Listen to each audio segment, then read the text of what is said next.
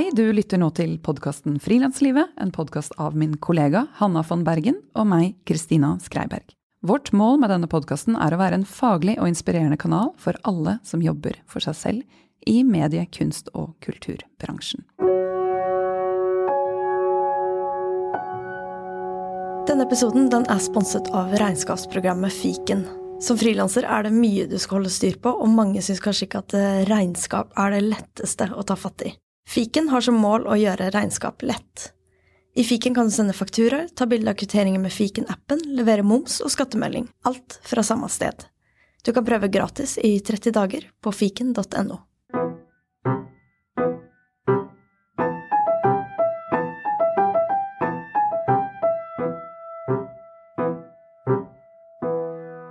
I dag skal vi snakke om foreldrepenger. For å få barn, det er jo noe også vi frilansere får. Selv har jeg to. Men det å få foreldrepenger som frilanser anses av mange frilansere som en vanskelig og omstendelig prosess. Det viser rapporten Frilansere, frihet og frykt. Derfor skal vi i denne episoden finne ut mer om hvilke velferdsrettigheter du har. Jeg har besøk av Espen Eldøy, som er jurist i Creo, som er Forbundet for kunst og kultur. Espen han jobber ikke i Nav, de har eh, meldt inn at de ikke har kapasitet akkurat nå, men han er en veldig god stedfortreder. Eh, vi oppdaget Espen da han snakket om dette temaet under en frilansfrokost i regi av Møst og Samspill. Hei, Espen. Hei. Veldig, veldig hyggelig at du tar deg tid til å være her. Det er hyggelig å få være her. Og til å eh, påta deg eh, denne oppgaven som ikke er så lett, å snakke om det temaet her, som mange er nysgjerrig på. Før vi går i gang, så tror jeg det er nyttig med en begrepsavklaring. Det kan være greit å ha avklart at vi i frilanslivet, vi retter oss mot alle som jobber for seg selv, innenfor bransjen. Dere som har flere oppdragsgivere, eller går fra prosjekt til prosjekt. Uavhengig av om du går på korte lønnskontrakter, eller om du har et enkeltmannsforetak eller er ansatt i ditt eget AS. Men det er viktig å vite at Nav og folketrygdloven definerer en frilanser som en som utfører arbeid eller oppdrag utenfor tjeneste for lønn eller annen godtgjørelse, men uten å være selvstendig næringsdrivende. Altså en som ikke er ansatt, men som mottar lønn når man jobber, men uten å drive eget firma. Definisjonen av selvstendig næringsdrivende er en som har et enkeltmannsforetak, og har du et AS, ja, da er du ansatt, men hos deg selv. Så når vi snakker om frilansere i denne episoden, er det de som er lønnsmottakere, men uten fast arbeid, mens de med enkeltmannsforetak, det er de selvstendig næringsdrivende. Så reglene er litt forskjellige når man går inn og sjekker rettighetene sine hos Nav, avhengig av hvilken måte du har valgt å innrette arbeidslivet ditt på. Du, Espen, hva må til for å ha rett til å få foreldrepenger? For å få foreldrepenger så er det tre først og fremst vilkår som må oppfylles i eh, folketrygdloven. Og det er først og fremst, eh, selvfølgelig, du må jo vente barn eller adopsjon, altså det sier seg selv. Eh, men eh, først og fremst så, så opptjenes retten til foreldrepenger ved yrkesaktivitet som gir pensjonsgivende inntekt. Og her kan jo både mor og far hver for seg opptjene denne retten. Og det, altså opptjene foreldrepenger ved yrkesaktivitet som gir pensjonsgivende inntekt. I det så ligger det et krav om at du må ha hatt pensjonsgivende inntekt minst seks av de siste ti månedene før foreldrepengeperioden. Altså før du skal gå ut i foreldrepermisjon. I tillegg så må du bo i Norge, altså du må være medlem av folketrygden. Og i det så ligger det at du må ha til hensikt å minst bo i Norge i tolv eh, måneder. Da er du eh, på en måte det vi kaller for en pliktig medlem av folketrygden. Og så det, er det et minimumskrav til årsinntekten din. Du må ha tjent minst halvparten av 1G, altså én ganger grunnbeløpet. Eh, det utgjør 48 441 kroner ca., altså halvparten av 1G. Så det er de tre vilkårene. Inntekt de siste seks av ti månedene, bo i Norge, medlem av folketrygden der, eh, og ha hatt inntekt på minst en halv G. Og så er det jo noen unntak fra disse vilkårene, og, og, det går først og fremst på unntak fra plikten til å ha hatt pensjonsgivende inntekt de siste seks av ti månedene. Og det er jo da først og fremst for de som har mottatt dagpenger, sykepenger eller stønad ved barns sykdom og arbeidsavklaringspenger eh, og foreldrepenger eller svangerskapspenger de siste, siste seks av ti månedene. Det sidestilles med pensjonsgivende inntekt. Nå tenkte jeg litt på eh, at det sitter sikkert noen frilansere i utlandet og kanskje vurderer å flytte hjem til Norge. Hvor lenge må man ha bodd i Norge for å ha krav på foreldrepengene? Er det de seks av ti, Altså, siste månedene, eller? det kommer litt an på, og er litt vanskelig å svare på. For det kommer jo an på om du har hatt et frivillig medlemskap i folketrygdloven mens du har vært borte. Og det handler jo litt om eh, hvor du har skattet til, f.eks. Har du skattet i Norge, eller har du skattet i Spania, f.eks. Men eh, det er jo sånn at hvis du ikke hatt noe som helst eh, medlemskap i folketrygden, eh, så må du ha hatt enten en nær tilknytning, altså en tilknytning til Norge, og da ha eh, et, en intensjon om å være i Norge i minst tolv måneder. Men i noen tilfeller, og i verste fall, så, så kan det ta opptil to år før du har opparbeidet den retten igjen. Eh, hvis du ikke har den tilknytningen, eh, ikke f.eks. har skattet til Norge, ikke hatt noe frivillig medlemskap. Så det kan, eh, og det har jeg sett eksempler på at eh, i forbindelse med, med sykepenger og uføretrygd, eh, folk som har bodd i utlandet, og så har de blitt syke, og så kommer de tilbake til Norge for å få sykepenger eller uførestønad, og kommer tilbake hit igjen og får beskjed om at de er ikke medlem av folketrygden og har ikke krav på noe før det eventuelt har gått to år. Og det kan sette i en vanskelig situasjon. Det er gull å være medlem av folketrygden. Det lønner seg. Det lønner seg helt eh, klart, og det å ha et bevisst forhold til det, i hvert fall hvis du eh, er eh, mye inn og ut av Norge og jobber, eller skal jobbe i utlandet i mange år, det å ha et bevisst forhold til å være medlem i folketrygden, det kan være ganske viktig.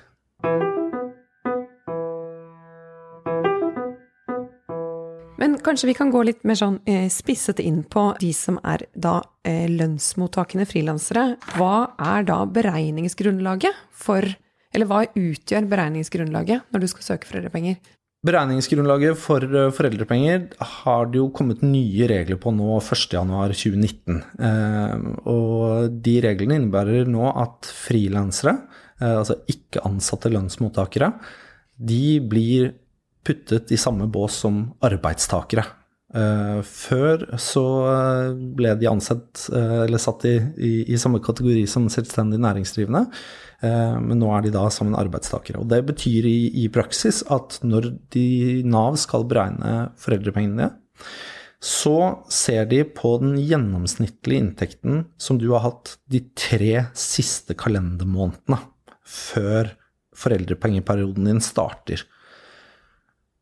Før så var det jo da, og sånn er det med selvstendig næringsdrivende fortsatt, at her er det gjennomsnittet av de tre siste ferdiglignede årene. Og, og sånn var det for frilansere også før 1.1.2019, men nå er det da de tre siste månedene for uh, frilansere. Og så er det jo uh, Så det er utgangspunktet. Og så er det jo også da noen unntak, der hvor, uh, der hvor inntekten din har forandret seg eh, de siste månedene, eller at de tre siste månedene, eh, altså beregningen fra de tre siste månedene, ikke er eh, representativt for den gjennomsnittlige årsinntekten din. Da ser vi at hvis den inntekten du har hatt de siste tre månedene, hvis den, den avviker med 25% som et minimum, Pluss eller minus? Begge deler? begge deler. Og det er litt viktig at uh, folk vet at det, det, kan være både pluss og minus. Altså der Nav ser at her er det en betraktelig endring, og det skal jo først og fremst være det de kaller for en varig endring. Det kan vi si litt mer om etterpå. Uh, der det er en Altså, har du tjent 25% eller 28 eller 32% mer enn du vanligvis gjør, og de ser at det følger som, som en varig endring av driften din, f.eks. At dette er representativt for den framtidige inntekten din, så er det det de legger til grunn. Så her kan Nav da bruke skjønn for å se hvilke tall, hvilke, hvilke beregningstall er det som, som kommer best ut for deg når de skal gjøre den beregningen. Men hovedregelen er jo de tre siste månedene. Og det kan være vanskelig for frilansere som har ujevne oppdrag. På en måte kan det jo virke lettere å eh, sanke dokumentasjon kun for de tre siste månedene, altså sånn eh, papirarbeidet. Men ja, samtidig som du sier, så svinger jo frilanseres inntekt eh, gjerne veldig. Og noen måter så har du kanskje ingen oppdrag, eller er ikke på en sånn prosjektkontrakt, eller Så det der kan jo svinge begge veier. Og dette med varig endring, det er jo kommer jo kanskje mye skjønn inn der, men hvis man skal vise til en eh, positiv, eh, stigende inntekt, da, så kan det jo kanskje være greit å vise til at man har eh, ja, oppdragsgivere som er faste, eller at man har fått ja, flere faste avtaler, eller mm. sånne ting. Spør jeg, eh, og sier samtidig. Ja, ja det er helt riktig. Altså hvis du kan dokumentere at eh, det, det, den siste tiden, den siste måneden, de siste to månedene, eh, så har du hatt en, en endring. Altså at du har fått flere oppdrags, faste oppdragsgivere. Du kan dokumentere det, så er det positivt. Eh, og kan eh, føre til, eh, føre til, at du får et høyere beregningsgrunnlag, f.eks. Men i utgangspunktet så er det jo hvis, du, hvis de tre siste månedene før foreldrepengeperioden din starter, så har du hatt to av månedene hvor du ikke har hatt inntekt, og den siste måneden hvor du har hatt kjempehøy inntekt. Og den siste måneden er mer representativt, for det er da eh, kontrakten du har startet med med en, fast klient, f.eks.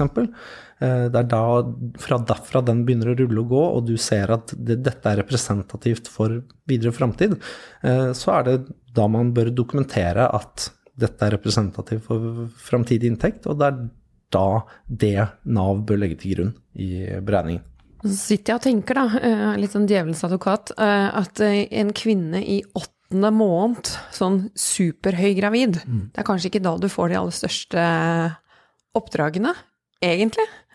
Så det er jo Sitter jeg og tenker at man bør jo Altså hvis man klarer å forberede seg litt på det å få barn, så er jo det kanskje det aller beste. Ja, absolutt. og, og det er klart at uh, for frilansere og selvstendig næringsdrivende, som, som, du sier er i åttende måned, og det kan være vanskelig å, å, utføre den jobben og vanskelig å få de inntektene, uh, så vil man jo på en måte kunne dokumentere at de siste to-tre månedene er ikke representative for min årsinntekt. Og det er jo da man kan dokumentere at her har det vært en, en endring eh, som ikke ikke representerer det jeg vanligvis tjener. Ja, der kommer det inn ja. i bildet, ja. ja. Ikke sant. Sånn at, eh, og da, da, handler det om at du må, må sende dokumentasjon til Nav eh, på f.eks. Eh, da siste året, ikke sant, den siste året, og da kan man legge ved oversikt over den forskuddsskatten du har innbetalt så langt, eh, ligning som enda ikke er utlagt, eller en oppgave fra regnskapsfører. Eh, eller revisor, eh, som, som eh, inneholder opplysninger om pensjonsgivende årsinntekt. Da. Og det vil være til hjelp for Nav å, å, gjøre den skjønnsmessige vurderingen som de skal gjøre i forhold til hvilke tall er det som er representativt for deg som søker av denne ytelsen. Og så er det jo viktig da, når vi snakker, når vi snakker beregningsgrunnlag, er at uansett så har du ikke krav på å få mer enn 6G Eh, det utgjør noe sånn 580 000-aktig nå. Nå er vel, eh, nå er vel en, eh, som vi sa i sted, 1G er på 96 883. Så det er, det er 6G er det du får. Og alt utover det så blir et eventuelt tap for deg hvis du har høyere inntekt enn 6G.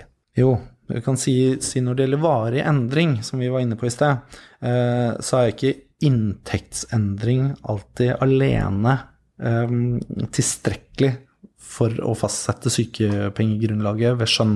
Altså når, når, Nav skal se hvilke tall er det som kommer best ut, så vurderer de også har det vært en varig endring her. Uh, og da kan det være altså Da legger de til grunn at det har vært en varig endring av arbeidssituasjonen eller virksomheten. I sted så nevnte vi jo det med at du har fått flere faste arbeidstakere, f.eks. Men, men øh, det kan også være situasjoner hvor, hvor, øh, som kan anses som varig endring av Nav, uten at frilanseren eller den næringsdrivende nødvendigvis har gjort noe aktivt for å få til den varige endringen, eller at det er resultat av noe aktivt. Altså det kan være utenforstående forhold òg, f.eks. Hvis du et, ja, Som et eksempel som kanskje ikke nødvendigvis er like aktuelt for, for, for uh, frilanserne som hører på her, men hvis du som, som, næringsdrivende driver en butikk, og det åpner et stort kjøpesenter ved siden av, og du mister kunder pga. det, så kan det være en utenforliggende årsak som, som, som Nav anser som en varig endring. Kjempeinteressant. Ja, ja, ting en selv eller hvor konkurranseutsatt du er, ja. kan også være en varig endring? Absolutt. Så, så får du endret kundegrunnlaget ditt da, eh, pga. utenforstående forhold. Så kan det være en varig endring, som Nav sier. Og i de tilfellene så er det jo ofte den minus 25 sant, eh, som, som vi ser på. At eh, Nav sier at nei, etter at det åpnet det kjøpesenteret, så ser vi at inntekten din har gått ned. For i hvert fall for frilansere så henter jo Nav inn eh, først og fremst in informasjon fra skatteetaten i forhold til inntjening. Og, og avmeldingen som da, da oppdragsgiver som betaler lønn, sender inn på deg. Og da kan Nav, Nav se at ok, her ser vi at i det siste så har du De siste tre månedene så har du en endring på minus 25% eller 28% Du tjener mindre enn du gjorde, og vi ser at det er pga. at det er åpnet eh, en annen butikk, eller det har kommet et firma som konkurrerer med akkurat din tjeneste som du har mistet kunde på. Det kan de legge til grunn for at det er en varig endring. Og da blir det jo opp til den enkelte frilanser eller næringsdrivende å, på en måte argumentere for at nei, dette er ingen varig endring. Eh, og det er jo ikke alltid Nav gjør en riktig skjønnsutøvelse heller, for de, de, er jo ikke inne i bedriften, og de kjenner jo ikke alle forhold. Mm, eller jeg ville aldri tenkt på det. At, fordi man selv tenker jo ja, men jeg jobber jo så hardt og står jo på og gjør jo det samme som før. Mm. Så det er urettferdig hvis jeg skal påvirke mitt beregningsgrunnlag at det kom en konkurrent. Mm. Men så er det jo også real, kanskje i noen tilfeller realiteten. Vi lever jo, eller vi jobber jo i et uh, samfunn. Dynamisk, dynamisk samfunn. Ja. Mm. Som påvirker hvordan det går med frilansvirksomheten vår og inntekten vår, og da også hvordan sånne ting blir behandlet. Absolutt. Um, og, men, men, jeg tror nok at det er nok viktig å si, da, når vi snakker om denne type skjønnsvurdering som Nav gjør, er at det er veldig sjeldent at det kommer dit. Uh, jeg har, altså det de ser på først og fremst, er jo på en måte er Har du lagt ned tidligere virksomhet, startet på nytt igjen? Har det hatt noe å si for inntektene dine? Eh, har, du, har, du, hatt en omlegging av virksomheten? F.eks. som vi har snakket med, at eh, her har du begynt å satse ut mot en ny kundegruppe. Eh, fått flere faste, faste kunder. Eh, eller har man økt eller redusert arbeidsinnsatsen. Og det er kanskje noe av det som er mest aktuelt for frilansere og næringsdrivende. Eh, mange frilansere og næringsdrivende har jo kombinasjonsarbeid, som vi kaller det. Altså at de er ansatt i noen prosent, og så frilanser de eller er selvstendig næringsdrivende i, noen prosent. Og, og ofte i de tidspunktene hvor de velger å satse mer på, på enkeltmannsforetaket sitt eller på frilansvirksomheten sin. Da. At uh, det er der man ser, ser. Men jeg tror det viktigste er at har du hatt en endring, og det er gjerne der hvor du har hatt en endring hvor du tjener mer, altså at inntekten din ikke er representativ i forhold til det beregningsgrunnlaget Nav, Nav legger til grunn, det er der du må være flink til å dokumentere den endringen. Da. Det er vel der du har mest interesse av det selv. Absolutt. kanskje. Absolutt. Og det er jo kanskje ikke en lett jobb, og det er eh, krevende kanskje å sette seg inn i eh, reglementet, og det ligger jo ute flere sånne rundskriv, altså nye regler som kommer, eh, har jeg forstått, eh, hos Nav, og det å holde seg oppdatert fordi man selv har en egeninteresse i det. Og det, det er jo krevende, eh, krevende, arbeid. Men jeg tenker jo også at det er litt eh, det ansvaret vi selv må ta når vi har valgt å eh, jobbe som eh, eh, Ja, jobbe for oss selv. Så må man kanskje sitte og gjøre den jobben og prøve å gjøre jobben til saksbehandleren, som du ikke aner hvem er, og ikke aner noe om deres erfaring og forkunnskaper og innsikt i frilanstilværelsen. Og de har jo ingen innsikt i deg eh, og din eh, business. Og gjøre det så lett, som, lett for dem som mulig. Ja, jeg tenker at det er viktig. Jeg tenker at det er ekstremt viktig at du som frilanser eller næringsdrivende gjør det forarbeidet og bruker mye tid på å sette deg inn i regelverket. Og det er jo dette som er vanskelig for frilansere og næringsdrivende, er jo at folketrygdloven er et veldig teknisk regelverk. Og eh, du har rundskriv som skal eh, regulere Nav sin utøvelse, og i hvert fall når det kommer til den skjønnsutøvelsen. Eh, så, så, så er det vanskelig for Eh, den enkelte saksbehandleren å sette seg inn i akkurat din situasjon. Og vi ser jo eh, nesten daglig at næringsdrivende frilansere faller mellom to stoler, eller ofte flere stoler også, fordi at eh, regelverket er teknisk, og det er på en måte bygget opp med utgangspunkt i de tradisjonelle arbeidsforholdene hvor du er arbeidstaker med én lønn eller to, to, to, lønninger som kommer inn, eh, eller du er frilanser næringsdrivende med få oppdragsgivere med få inntekter. Én hovedinntekt og kanskje en underinntekt. Eh, og f.eks. For, for en musiker som gjør oppdrag da for veldig mange som næringsdrivende eller frilanser, så blir det vanskelig for Nav å, å, se altså først og fremst dokumentasjon på alle disse inntektene. Uh, og det er jo her frilanseren og næringsdrivende må gjøre den jobben selv. Altså de må kunne dokumentere godt nok og forståelig nok uh, for den saksbehandleren i Nav som skal sitte og vurdere dette. For de har en skjønnsutøvelse, men den skjønnsutøvelsen det er en objektiv juridisk skjønnsutøvelse som begrenses av da disse rundskrivene som du nevner, og rettspraksis f.eks. Eh, sånn at de skal ikke sitte og gjøre subjektive eh, vurderinger, skjønnsutøvelser, ut ifra hvordan akkurat du har det i din situasjon på søknadstidspunkt. De har et regelverk og noen rammer eh, som de må forholde seg til, og så kan de bestemme ut ifra disse rundskrivene ja, hvor langt til høyre i rammen kan jeg gå, eller hvor langt til venstre i rammen kan jeg gå. Um, og det ser vi jo er vanskelig uh, for Nav, og vi ser at det er vanskelig for, uh, for frilanserne. Uh, men bruk tid, sett dere inn i regelverket. be om hjelp fra noen som kan regelverket. om det er et fagforbund du er medlem av, eller om du har nettverk som har juridisk kompetanse, f.eks. Bruk den tiden, sett deg inn i regelverket. Forklar i søknaden din, forklar situasjonen din i enkle ord. Eh, sånn at eh, hvem som helst vil kunne forstå akkurat din arbeidshverdag. Og samle dokumentasjon. Send inn dokumentasjon. Eh, men her er det også litt vanskelig, da. Eh, fordi at det er noe som heter overdokumentasjon.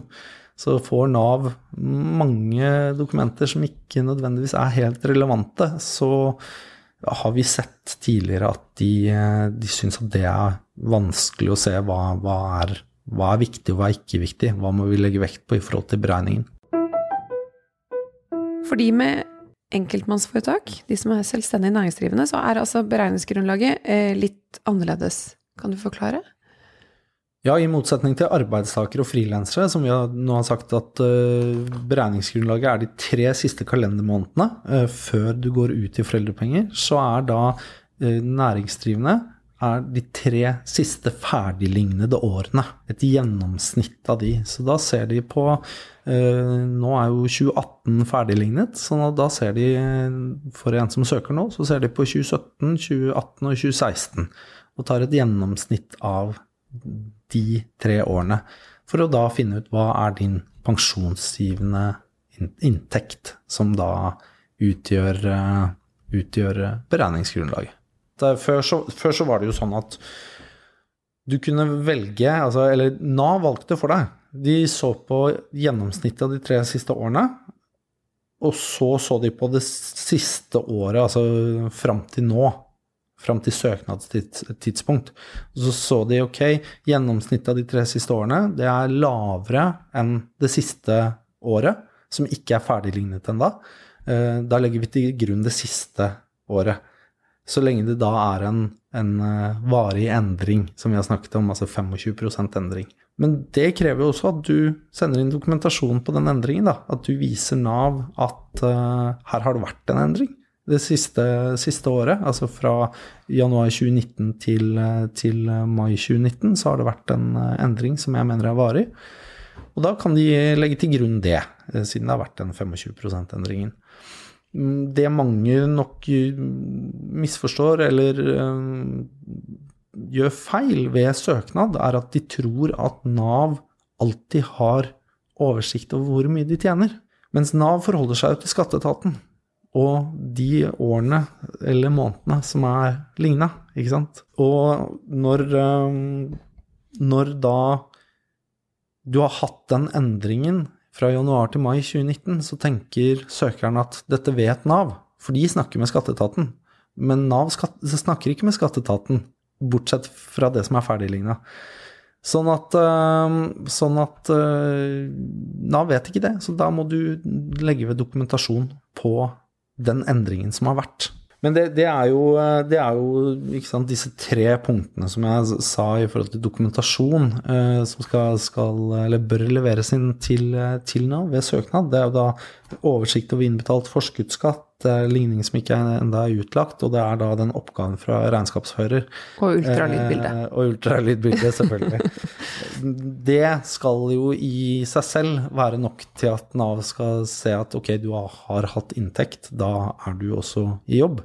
Eh, I noen tilfeller så har jeg sagt til medlemmer i Creo at eh, her må du skaffe bekreftelse fra oppdragsgivere for å bekrefte at du har vært i jobb, og sende inn det til Nav, sånn at de faktisk ser det en, i en klageprosess, da, vel å merke. Men hvor Nav har sagt at nei, her ser vi ikke at det har vært uh, at du har hatt inntekt de siste seks av ti månedene. Og det kan være vanskelig for en frilanser som da kanskje ikke har inntekt på tre måneder, og så får han inntekt i en måned som er fire ganger så stor som en vanlig månedsinntekt, ikke sant. Akkurat det. Um, så i noen tilfeller så, så, må man hjelpe Nav ved å, å, skaffe den dokumentasjonen. Og det, um, der tenker jeg også at man uh, bør ta vare på oppdragsavtaler. Uh, og det er jo også et uh, ankepunkt hos meg. Alltid inngå skriftlige oppdragsavtaler. av veldig mange grunner, men også i forhold til folketrygdloven. Eh, det ser jeg mange næringsdrivende og frilansere også, som, som, rett og slett slurver med. De eh, har muntlige avtaler, og det kan føre til problemer, eller når vi snakker om folketrygdloven, masse medarbeid i etterkant. At de må ta kontakt med en tidligere oppdragsgiver for å, for å få den bekreftelsen. Og har du hatt 30-40-50 oppdragsgivere i løpet av et år, så kan det være en ganske stor jobb.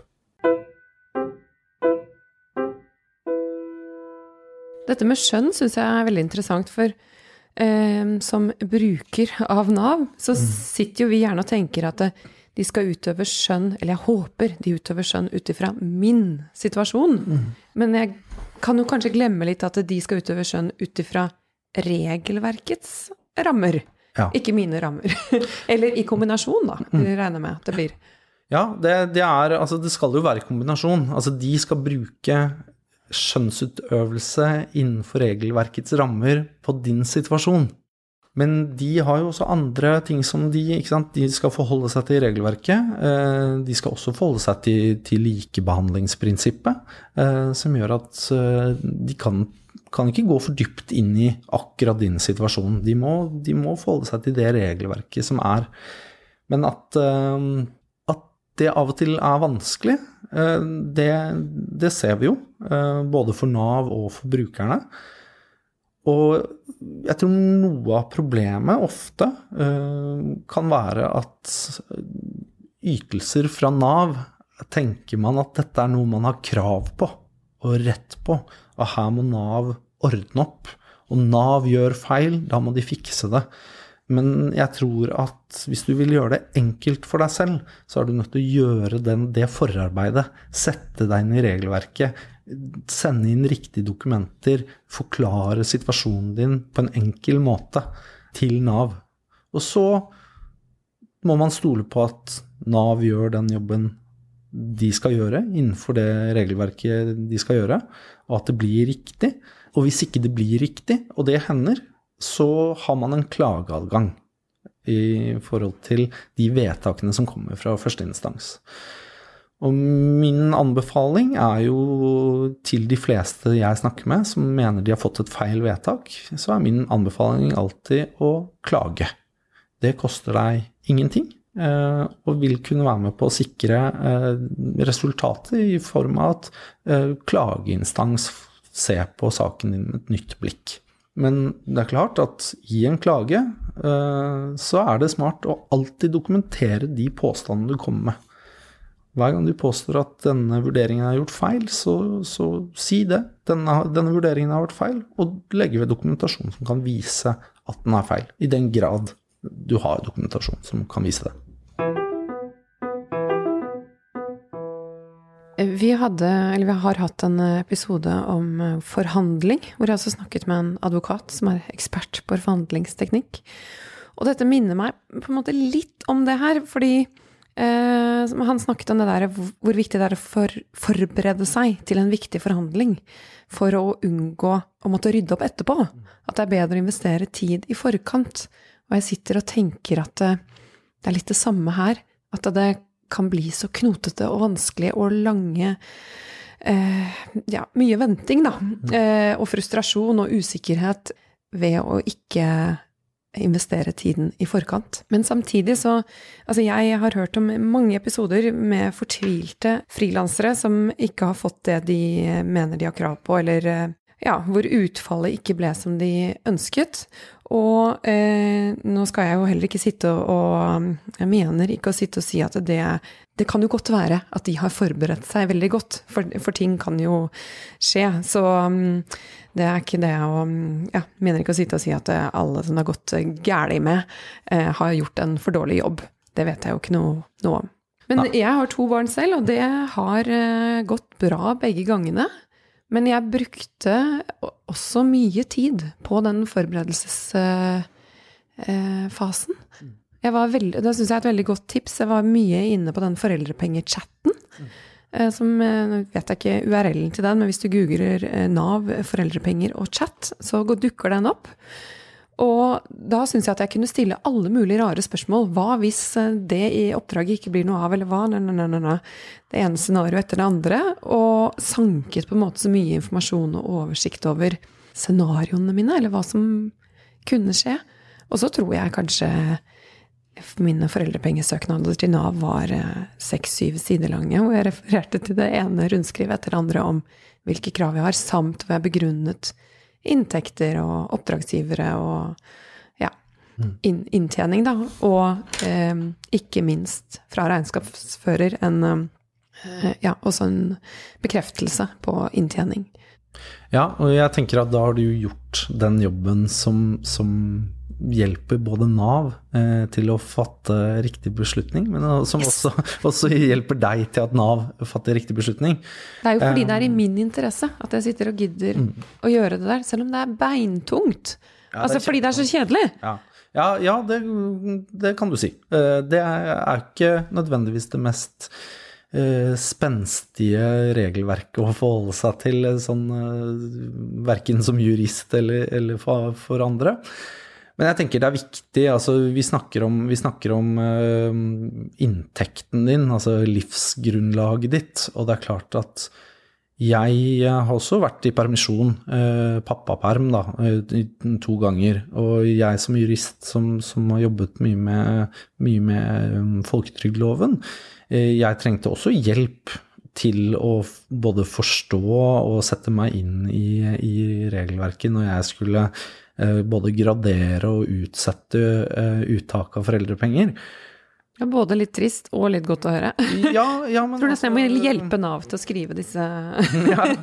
Eh, Men altså, jeg opplevde jo eh, at jeg gjorde et stykke arbeid med å sette meg inn i regelverket, og jeg eh, tok kontakt med Nav og spurte hva vil dere ha dokumentasjon, hvor, hvordan skal jeg gjøre det, hva skal jeg skrive på dette punktet i søknaden, og opplevde å få god hjelp på det fra Nav. Og det gikk veldig bra. Altså, det var ikke noe problemstillinger rundt det, men det er klart at nå har jo jeg én inntekt, så for meg så er det enklere. Eh, Men da tenker jeg at det blir vel så viktig for frilanseren eller næringsdrivende med flere inntekter, flere oppdragsgivere, å gjøre den, eh, det stykket arbeidet hvor de setter seg inn i regelverket, skaper seg en forståelse av hva er det Nav trenger for å fatte riktig vedtak. Det tenker jeg er eh, særs viktig. Og det, er, det er et stykke jobb du må gjøre for å sikre at du får den eh, inntekten du skal ha fra Nav. Og det er jo eh, en del av det å drive for seg selv, eh, hvor du bruker mye tid på administrasjonsarbeid, eh, som bilagsføring og ja, fikse hjemmesiden din og markedsføring og alt mulig, inkludert dette her. Og det koster jo kanskje litt å ha en regnskapsfører som skal se over regnskapet og bekrefte inntjeningen din, men det er jo mye som koster penger ved å drive et firma, og det er jo firmaer vi driver. Veldig mange av oss. Eller jobber for, for oss selv. Absolutt. Absolutt. Og eh, jeg anbefaler jo alle som har muligheten til det økonomisk, å, benytte seg av en eh, regnskapsfører eh, for å ha den oversikten. Med mindre du selvfølgelig har de kunnskapene og, og den tiden til å føre regnskapet ditt selv. Men det viktigste er at du har altså Jeg sier alltid til når jeg er ute og snakker til frilansere og næringsdrivende om folketrygdrettigheter, så sier jeg alltid at det viktigste er at du legger opp driften din på en slik måte at når du kommer i en situasjon hvor du trenger en ytelse fra folketrygdloven, så skal det være lett for deg å hente ut dokumentasjon. Enten om det er hos en regnskapsfører eller om det er hos deg selv. Eh, Men det skal være lett for deg å hente ut den dokumentasjonen. Og det blir særlig viktig når vi snakker sykepenger. Eh, For du skal være ganske frisk i Norge i dag for å være syk. Eh, I hvert fall som frilanser og næringsdrivende. Men også når det kommer til foreldrepenger. Det bør være lett for deg å finne de dokumentene som Nav vil ha. Er det, er det noe Nav ofte ikke vil ha, så er det Du nevnte jo i sted at du hadde sendt inn en syv siders lang søknad. Jeg, tror jeg tenkte over at den er nok ikke så lang, for nå satt jeg og tenkte det var jo voldsomt. Men Nei, det var nok inkludert eh, regnskapet og ja. For, for er det noe jeg ser at Nav ikke nødvendigvis forholder seg like godt til, så er det jo de der veldig lange søknadene som er håndskrevne og, og litt usammenhengende. Altså ha i bakhodet at du skal, du skal forklare noen som ikke aner hva du driver med, hva du driver med.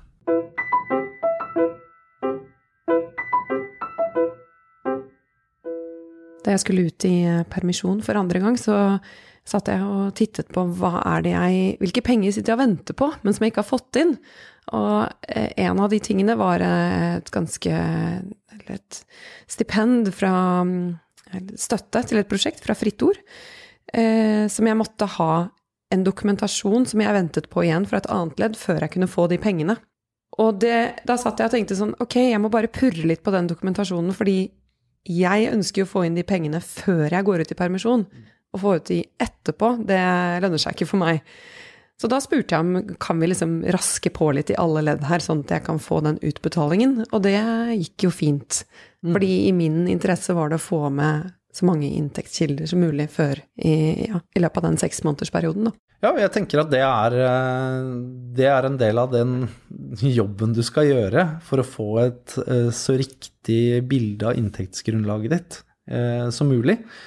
At du eh, ser at ok, om to måneder så får jeg en, en stor inntekt, og den, den er en del av den varige endringen. eh, Og det å be om å få utbetalt det beløpet, det honoraret, tidligere, sånn at Nav får det bildet Eh, Det tenker jeg at hver og en må gjøre en vurdering av.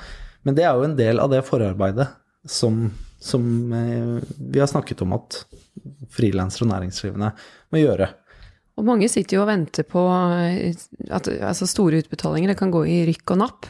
Og da går det jo også an å spørre oppdragsgiver om kan vi dele disse opp i to, slik at jeg får 50 000 eh, måneden før, og så kommer det kanskje med på den eh, totalvurderingen, eh, og så få disse andre 50 siden. Absolutt. Eller få 100 000 tidligere. Eller få 100 000 tidligere. Absolutt. Altså jeg tenker at så lenge eh, altså den type disposisjoner gjøres med tanke på å skaffe et riktig bilde i forhold til hva beregningsgrunnlaget skal være, eh, og at man også da kan gå ut i foreldrepermisjon med en stønad, foreldrepenger, som er riktig, eh, så tenker jeg det eh, det er en helt grei ting å gjøre.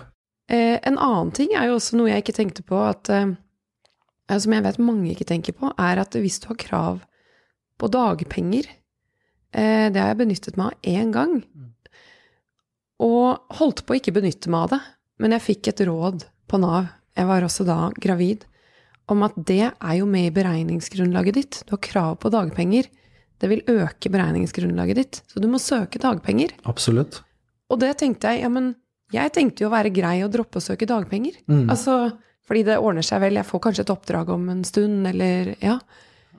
Det, Men, og det tror jeg mange, eller jeg har hørt mange eh, har um, ja, tenkt det samme, da. Det vet jeg at mange, mange tenker, og, og, og det er nok noe, noe med det Altså, én ting er, er liksom alt uh, styret rundt å søke en ytelse. En annen ting er Veldig mye styr. Ja, det det. Er det. Eh, En annen Og ting veldig, er faktisk, følelse, følelsen av å være veldig liten og utafor samfunnet. Ja, for det var, det var mitt neste, neste si, poeng, er jo at det å søke dagpenger er forbundet med et stigma. Skam. Skam. skam. Um, at man ikke klarer å skaffe oppdrag, f.eks., og ikke klarer å, å tjene til livets opphold. Men det, jeg tror jeg er viktig at folk tenker, er at man må se på uh, folketrygden, Nav, som en forsikringsordning. Fordi at uh, hver måned, forhåpentligvis, så betaler du premie til, eh, til um, forsikringsselskapet ditt. Sånn at i de tilfellene du får innbrudd, eller skader innbo f.eks., så får du en utbetaling fra forsikringsselskapet ditt. Og det er litt det samme med Nav. Fordi at eh, du betaler hver måned gjennom skatt, så betaler du folketrygdavgift. Og når du da kommer i en situasjon, om du er syk, om du skal eh, ut i fødsel, eh, om du skal ha dagpenger, altså, så har du betalt en avgift som skal sikre at når du kommer i den livssituasjonen, så har du krav på en ytelse fra Nav. Jeg skammer meg over å være sykemeldt de få gangene jeg har vært det òg, ja. Så det er jo helt utrolig at det kan være sånn. Så det er fint du sier det. Ja, altså det er, det er hele folketrygden er jo bygd opp på et forsikringsprinsipp. Eh, Du som eh, arbeidstaker, eller som næringsdrivende, eller som frilanser, der for dere blir, blir betalt inn, både gjennom skatt og for frilansere, gjennom arbeidsgiveravgiften, blir det betalt inn folketrygdavgift. Og da vil det si at du har bidratt med penger inn i trygdekassa, og da har du også krav på penger ut når du står i en situasjon hvor du har behov for det. Det er jo hele det sosiale aspektet. altså Det er et sosialt aspekt blandet med forsikrings, en forsikringstankegang som er grunnleggende i folketrygden. Og jeg har full forståelse med at folk opplever skam ved å skulle søke dagpenger, eller også sykepenger. Jeg liker heller ikke å være sykemeldt. Men det er klart at er du i den situasjonen, så, så bør du gjøre det, både det du har krav på, og det du, som er det beste for deg og dine i den situasjonen. Og i, i din situasjon, ja, hadde du unngått å søke dagpenger, da blir beregningsgrunnlaget dårligere, da. Da får dere en dårligere inntekt de neste 49 ukene.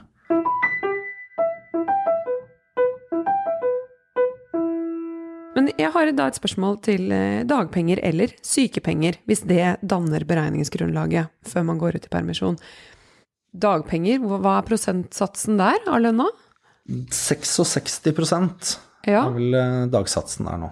og sykepenger For eh, selvstendig næringsdrivende og frilansere så har det jo vært 75 til nå eh, for litt siden så har vi fått beskjed om at eh, det går opp til 80% Oi! Så det er jo ikke så verst, da. Ja, Det er jo kjempebra. nok, nok et skritt i, rett, i riktig retning. Ja, Det det gikk si. jo fra 65 til 57 75? 75 heter det. Det gikk opp fra eh, 65 til eh, 75 nå for eh, litt over et år siden. Eh, og så har vi fått beskjed nå om at det går opp til 80 Så Og da lurer jeg på, er det, hvis man har gått på da disse stønadsordningene, eh, er det er det beregningsgrunnlaget som danner grunnlaget?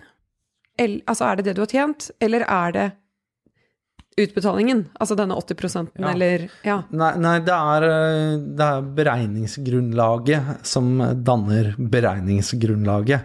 Eh, har du vært eh, sykemeldt i eh, de seks av ti eh, månedene før eh, uttak av foreldrepenger, og da fått 75% av lønna di utbetalt, så er det likevel det beløpet som lå til grunn før du blir sykemeldt, som de tar utgangspunkt i.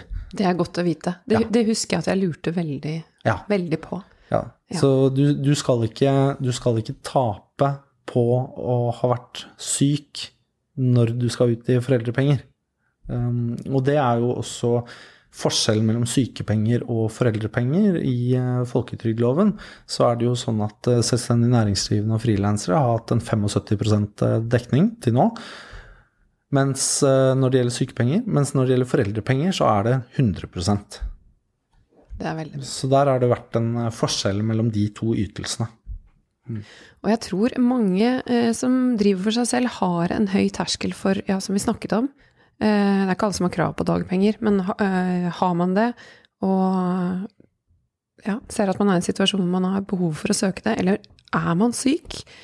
For min egen del så ser jeg at jeg har jo veldig høy terskel, fordi jeg bare Ok, men da bare er jeg litt syk, og så gjør jeg det oppdraget, eller jobber videre, eller litt ekstra hardt neste uke. Men jeg tenker at vi må prøve å legge bort skammen og eh, erkjenne at livet er ikke bare fløyel og eh, krem og sus og dus.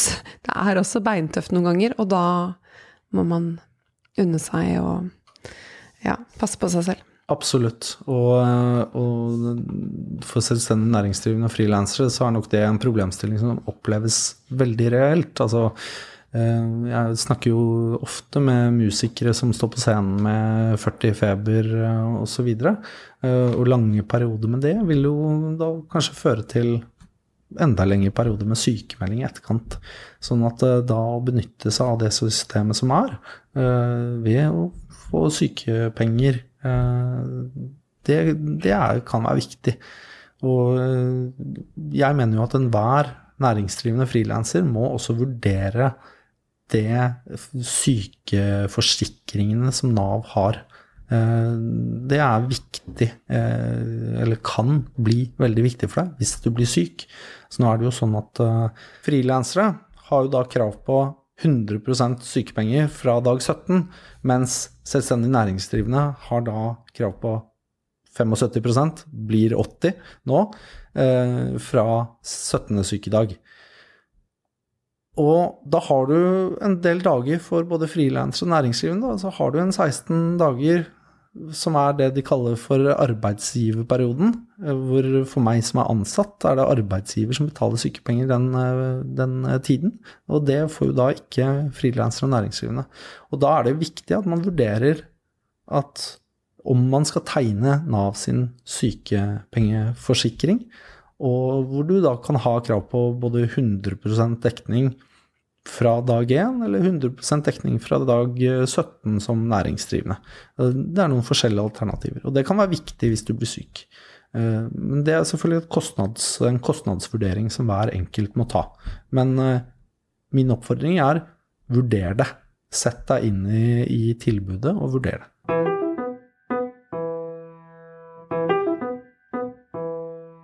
Altså vi i podkasten her, vi har snakket en del om det å opparbeide seg en bufferkonto. Og det er også noe jeg eh, syns har vært veldig viktig å ha eh, som eh, frilansende mamma. For det er jo også sånn perioden, perioden etter du kommer tilbake fra en permisjon, så mm, Altså, noen har kanskje oppdrag som venter, men jeg hadde ikke det. Det tok meg kanskje tre-fire uker før det begynte å rulle igjen, og da satt jeg heller og brukte den tiden på kose meg med å lage nettside og gjøre sånne ting. Men det er jo ikke Da har du ikke inntekt med en gang, så det kan jo også være lurt å ha litt sånn Prøve å legge til side litt penger til uforutsette hendelser, sånn som det å få barn eller komme tilbake i jobb etter en lang periode Mm. ute av jobb. Så det er bare et lite råd. Ja, det tenker jeg er viktig. Og jeg tenker at dette går inn i det vi har snakket eh, litt om hele veien her, om, om eh, organisering av arbeidet ditt. Altså om det er å legge opp en buffer eh, til perioder med mindre inntekter, eh, f.eks. rett etter en foreldrepermisjon. Eh, det gjelder avtaleinngåelser, det gjelder å ha dokumentasjon som gjør det enkelt for deg å sende, sende inn eh, ryddige søknader som Nav forstår. altså Eh, bruk mye tid på, på det organisatoriske, sånn at du ikke havner i den situasjonen hvor ja, Nav gjør feil, du har ikke inntekter, og du, du sitter der litt eh, rådvill, da. Så, så eh, jeg kjenner jo på mine medlemmer at veldig mange er veldig opptatt av mm, jeg, det kreative aspektet. Det å skape og, og være f.eks. musiker eller kunstner osv. Um, hvor det av og til kan gå litt på bekostning av liksom, det organisatoriske. Så, men det organisatoriske er veldig viktig å ha i bunn for å kunne drive eh, næring eller være frilanser på en god og ryddig måte. Så det er veldig fint å avslutte med det. Tusen takk som kom. Bare hyggelig. Ha det godt. Ha det godt.